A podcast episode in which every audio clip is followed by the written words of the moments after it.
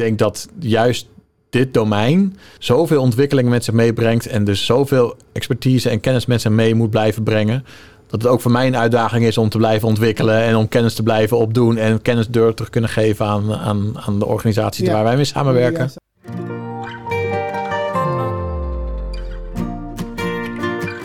Welkom bij onze podcast Expeditie Application Services. In deze podcast gaan we op reis langs onze 28 clusters. We ontmoeten gepassioneerde experts en praten over hun succesverhalen, uitdagingen, trends en toekomstvisies. Mijn naam is Eva Helwig en ga lekker zitten, relax en geniet van deze reis.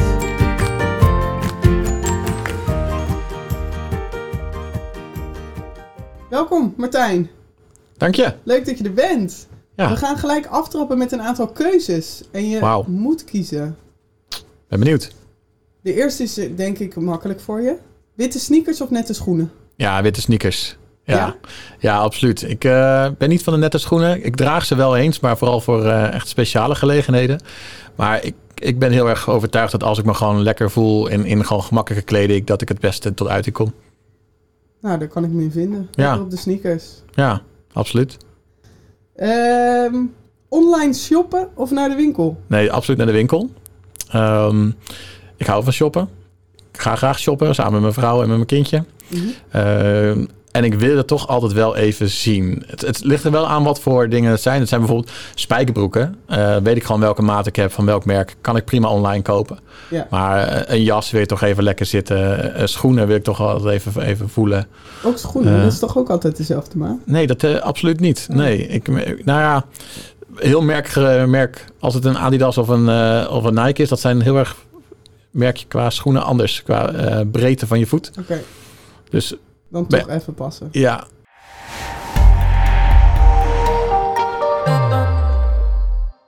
Nogmaals welkom, Martijn van Deel in de studio vandaag. dankjewel Eva. Leuk dat je hier mag Eh, zijn. Ehm, hartstikke leuk dat je er bent en we gaan het vandaag over eh, onder andere e-commerce hebben, maar daar hebben we het later over. Ik ben vooral benieuwd, wie ben jij? Ik ben Martijn. Mhm. Ik ben 38 jaar. Ik woon in Hilversum. Ik ben getrouwd met Marjolein en mijn kleine dochtertje Emily. Eh, ik hou van voetbal en motorrijden. Eh, ik ben, nou, ja, denk ik een jaar of eh, zes geleden begonnen bij Capgemini. Mhm. Daarvoor heb ik tien jaar bij een digital agency gewerkt. Mijn ervaring ligt vooral in het e-commerce domein. Dus het, Ja. het onderdeel van het customer experience portfolio, zoals dat genoemd wordt hier. Ja, waar ik Ehm, zeker meer ja. over wil weten. Ik vind het gewoon heel leuk om enerzijds... eh, ik ben ooit begonnen als developer. Ik vind het gewoon heel leuk om vervolgens oplossingen te bouwen voor onze klanten. Eh, ik merkte al heel snel dat ik doorgroeide van developer naar eigenlijk business analyst en solution architect. Mhm. Eh, om na te denken over wat zou de oplossing zijn voor het probleem wat de klant heeft. Ja, nou, ik denk dat Capgemini daar mij een, een hele goede leerschool in heeft geboden om verder te groeien naar grotere accounts, grotere klanten. Waarbij ik bij digital agencies al hele leuke merken heb bediend. ja. Waarbij ik op Capgemini nog een, eh, net een stapje verder eh, heb kunnen groeien. nog meer. eh, en- en het leuk om als consultant de hele tijd andere klanten te zien. Absoluut. Ja, Ja. ja.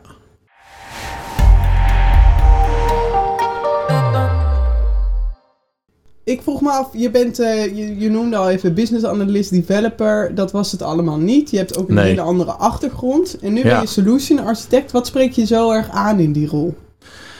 Omdat je als solution architect echt bij het begin betrokken bent bij de klantvraag. Er moet nog nagedacht worden over wat de oplossing zou zijn. En daarvoor is het nodig om eerst goed de, het probleem in kaart te brengen. Mhm.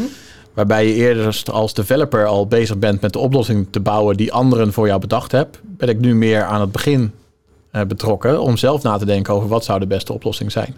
Ja. En dat spreekt me ook heel erg aan. Ik merkte ook dat ik daardoor als developer eh, daarin wat tekort schoot. Omdat ik graag wilde weten wat is dan het probleem wat aan het oplossen zijn. In plaats van alleen maar aan het bouwen. eh. En ik vond het veel leuker om met de opdrachtgevers te praten over waar, waar, waar kan ik jullie nu het beste mee helpen. En kunnen we misschien A doen in plaats van B. Om, ook al hebben we A beschreven, B lijkt mij een betere oplossing. En als ik daar een goed idee over heb, zullen we dat eens proberen. En Mhm. als solution architect zit je precies op dat punt. Er is al een idee, Ja. een, een visie, een ambitie gecreëerd. Er is nog eh, nodig wat de oplossing is. En ik zit precies daartussenin. Ja, dat is eh, heerlijk. Dan is er bijvoorbeeld A bedacht. Ja. Hoe vaak ga je dan toch naar een B? Naar Vaak, een- ja? heel vaak. Ja.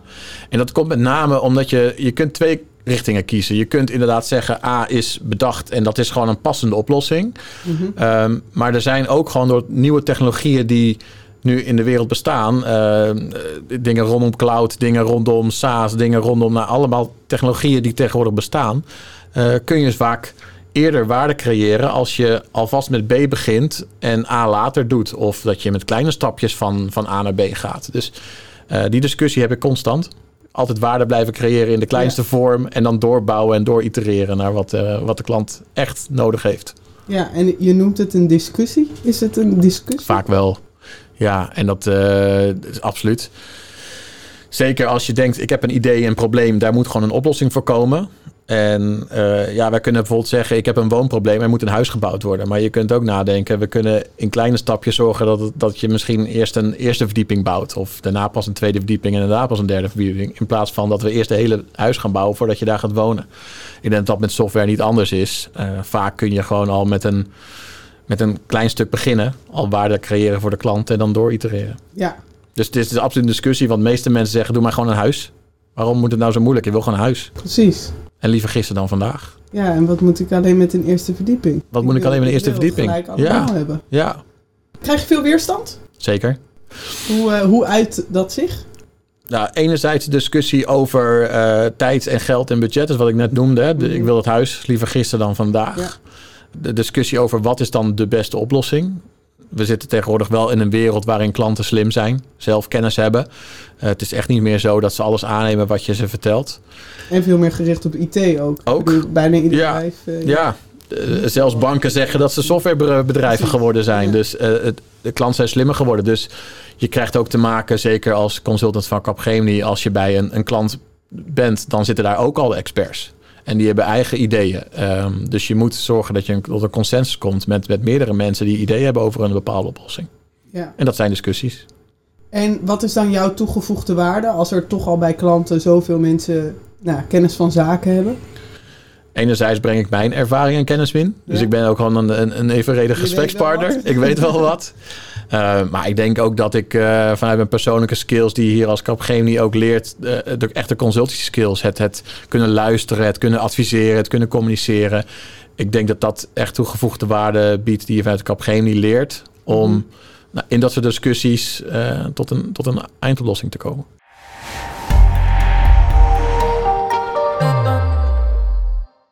Ehm, dus wat ik probeer is op de klantvraag die er is, op het probleem wat bestaat, te kijken hoe met SAP-technologie een oplossing gevonden kan worden.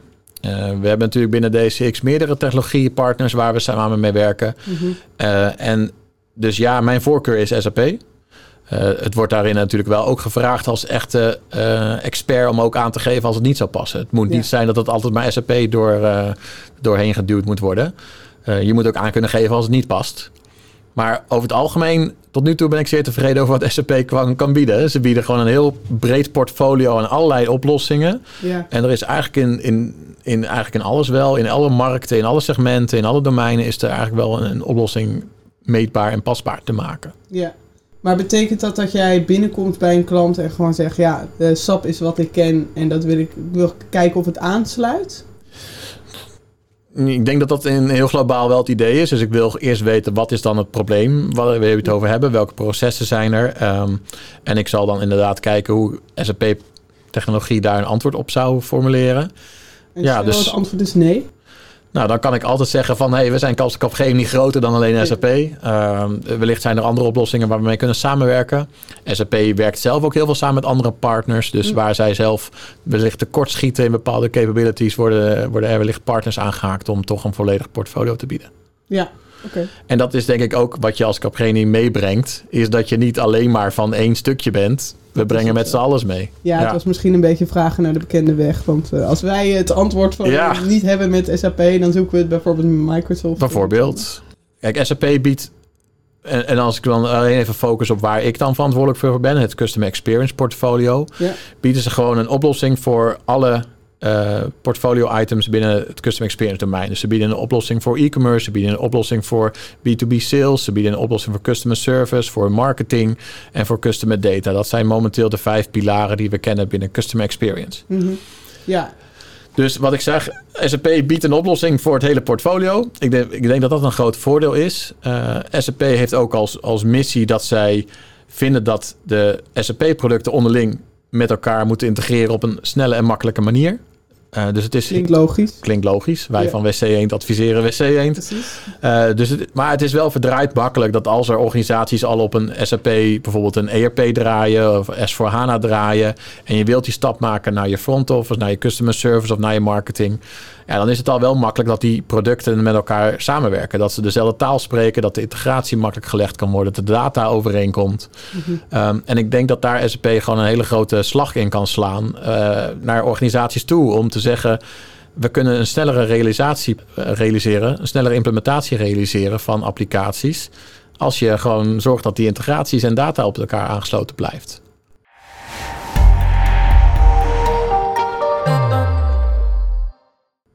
E-commerce, kun je me uitleggen wat het is? Heel gechargeerd is het een webshop. Het is een online uh, verkoopkanaal waarin je producten van een, uh, van een organisatie kunt kopen. Dus je gaat naar een, uh, een website, je ziet daar een productoverzicht, een catalogus. je, je stopt wat producten in je winkelbandje en je rekent het af en het wordt bij je thuis geleverd. Ja. Nou, dan heb je e-commerce, dat is dan in het kleinste zin van het woord. Maar vaak als ik het over e-commerce heb, dan heb je het over de hele A tot B delivery. Dus uh, het is inderdaad het zorgen dat producten op een website staan. De simpele vorm van het woord. En ook dat ik er naartoe navigeer bijvoorbeeld? Dat je er naartoe navigeert. Dat is, daar zit ook wel veel marketing raakvlak in. Dus mensen activeren om naar je website toe te gaan. Ik denk dat dat echt wel een, een vak apart is. Ja. Maar op het moment dat je eenmaal op die website, op die webshop geland bent... dan is wat mij betreft e-commerce in, in gang. Dan zorgen ze enerzijds dat je de producten ziet die jij graag wilt zien heb je het over een stukje personalisatie. Ja. Uh, dan hebben ze het ook vaak over dat je al uh, nou, bijvoorbeeld vooraf gege uh, ingevulde gegevens kunt, kunt laten zien. Dus als ze mij al kennen, dan hoeven ze niet opnieuw op mijn adres te vragen. betalingen kunnen momenteel gedaan. Er zijn heel veel betaalintegraties mogelijk.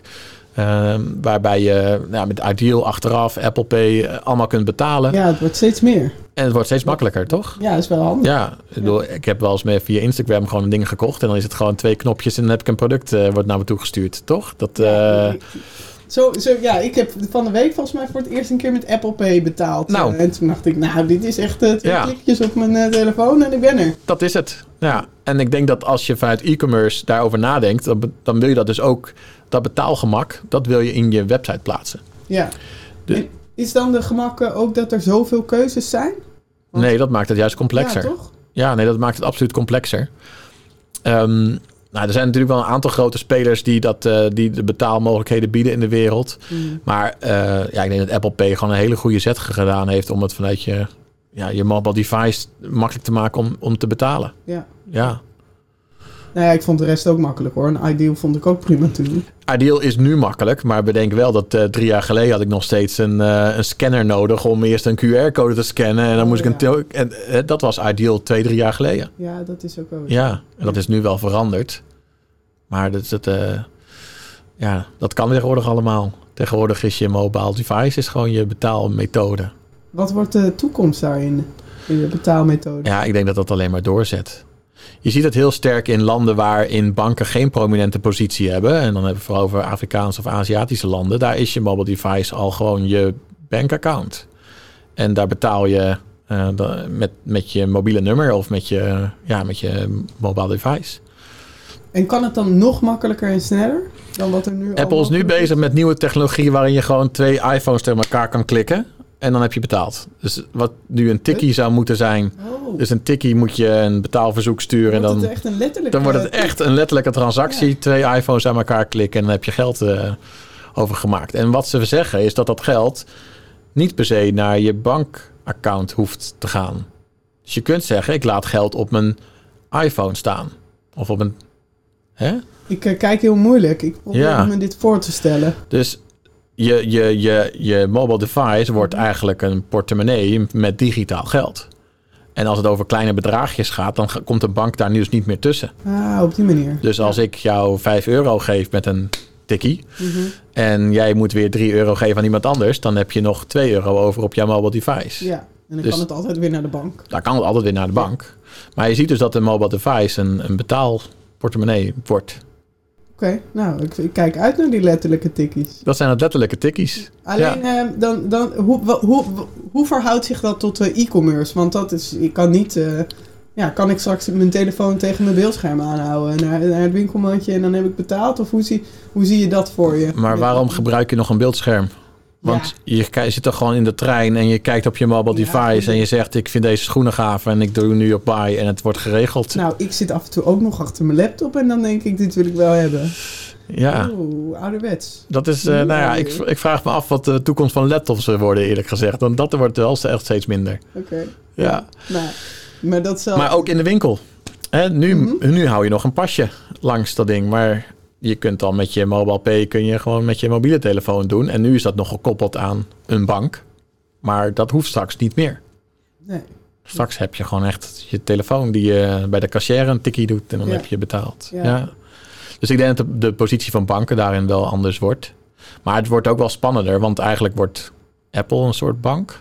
Ja, ik weet niet hoe ze dat echt doen. Nee, net zoals dat al. Als je dan je telefoon kwijtraakt, ben je dan ook je geld kwijt. Oh, ik hoop het niet. Nee, Gebeurt nog wel eens. door de, telefoon, door de wc spoelen. Dan gaat mijn geld. Ja, maar ja, misschien kan je telefoon wel eh, iets beter tegen het, eh, tegen het water dan je Dat is waar, dat is waar. Of, eh, Maar daarom vind ik dus e-commerce zo interessant. Mhm. Omdat de technologie gaat, gaat mega snel. Ehm, nou, dit soort technologieën zijn, zijn redelijk nieuw. Als je zegt over drie jaar geleden e-commerce was het nog, nog echt wel anders dan nu. En dat gaat alleen maar door. Dus ik denk dat juist dit domein zoveel ontwikkelingen met zich meebrengt. En dus zoveel expertise en kennis met zich mee moet blijven brengen. Dat het ook voor mij een uitdaging is om te blijven ontwikkelen. En om kennis te blijven opdoen. En kennis door te kunnen geven aan, aan, aan de organisaties Ja. waar wij mee samenwerken. Om de juiste advies te kunnen geven. Ja. Ja.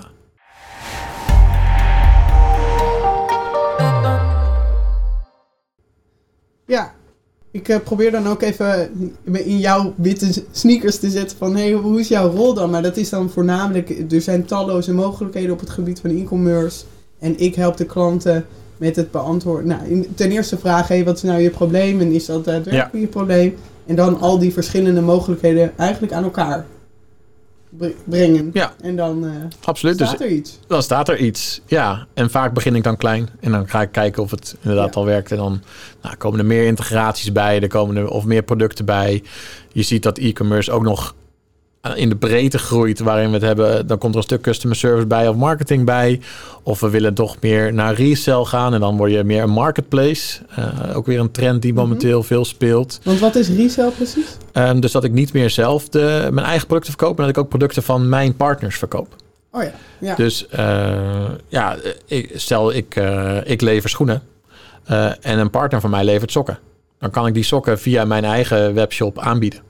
Maar ik lever Ja. het niet zelf. Maar ik doe wel hun producten tonen op mijn webshop. Dus dan word je reseller, word je een marktplaats van, eh, een marktplaats van, van producten. ja. Gecombineerde producten vaak die wel dezelfde, die relaties met is elkaar helpen. Ja, ja. het heeft niet zo handig om babyluiers met schoenen te kopen of zo. Dat, ja. Misschien voor jou wel. ja, misschien voor mij. Oké. En dan, eh, we hebben, ik heb mijn winkelbandje gevuld. Ik heb betaald. Ja, En wat doe jij dan nog eh, op het gebied van e-commerce? Nou, wat ik belangrijk vind is dat je dat die integratie, de order-integratie, dus op het moment dat ik op die bestelknop gedrukt heb, Mhm. dan moet er een order, moet het logistieke proces in. Eh, wat ik daar nog bij wil meegeven, vaak, aan, aan, vaak wordt het dan wel een overdracht binnen de organisatie, want vaak is e-commerce een, een domein apart en is, is logistiek en supply chain en order is een ander domein binnen, binnen, een, binnen een klant, binnen een organisatie. Maar het is belangrijk dat je wel die beloftes waar kunt maken. Dus als mensen iets kopen op een webshop, willen ze het ook de volgende dag hebben. Als je zeker Als je staat, zegt, ja. als dat er staat, als het staat 24 uur te leveren, moet je het ook kunnen leveren. Mhm. En als je zegt, ik heb er nog 100 op voorraad, dan moet het er ook 100 op voorraad zijn, niet nog maar 50. Nee.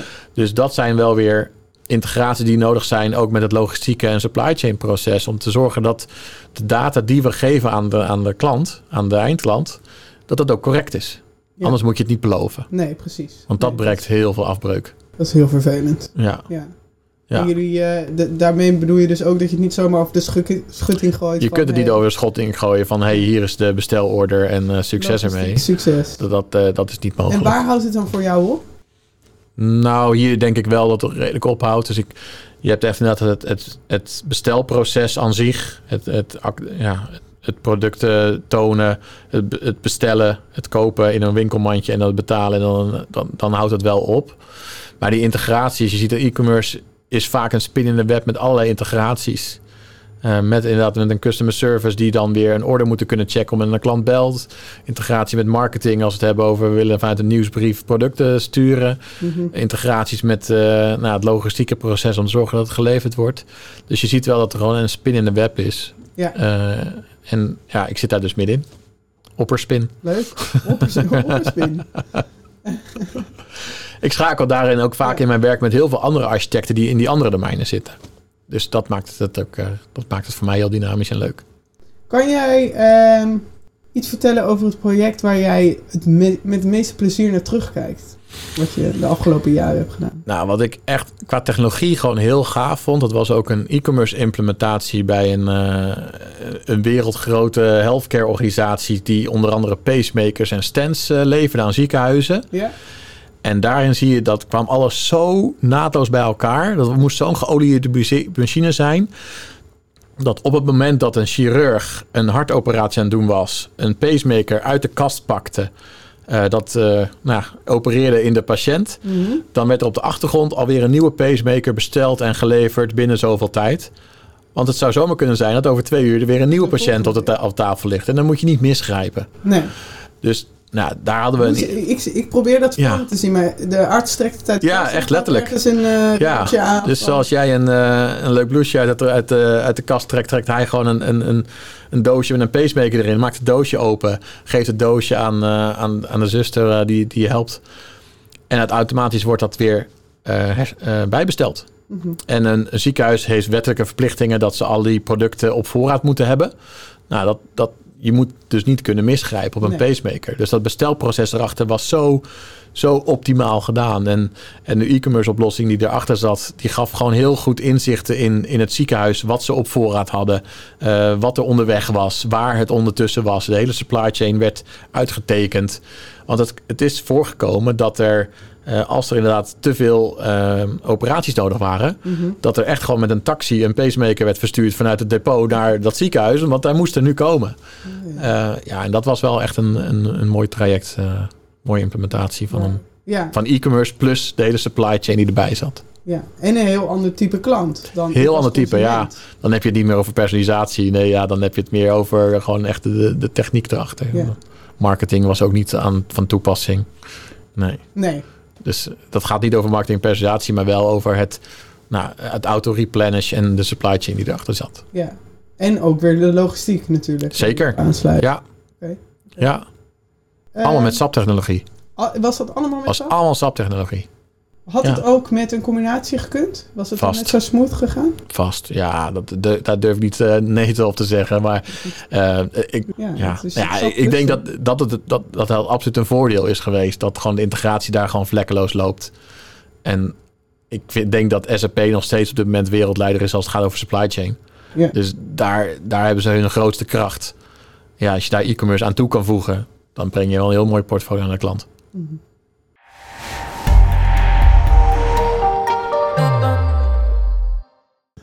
Ehm, ik wil je hartelijk bedanken. Dankjewel, Eva. Ehm, ja, ik vond het een hartstikke leuk gesprek. Het heeft er weer wat extra inzicht gewonnen in eh, wat e-commerce inhoudt. Ja, En dat eh, SAP één van de mogelijkheden is om het eh, te implementeren. Dankjewel. graag gedaan. Graag gedaan. Dankjewel.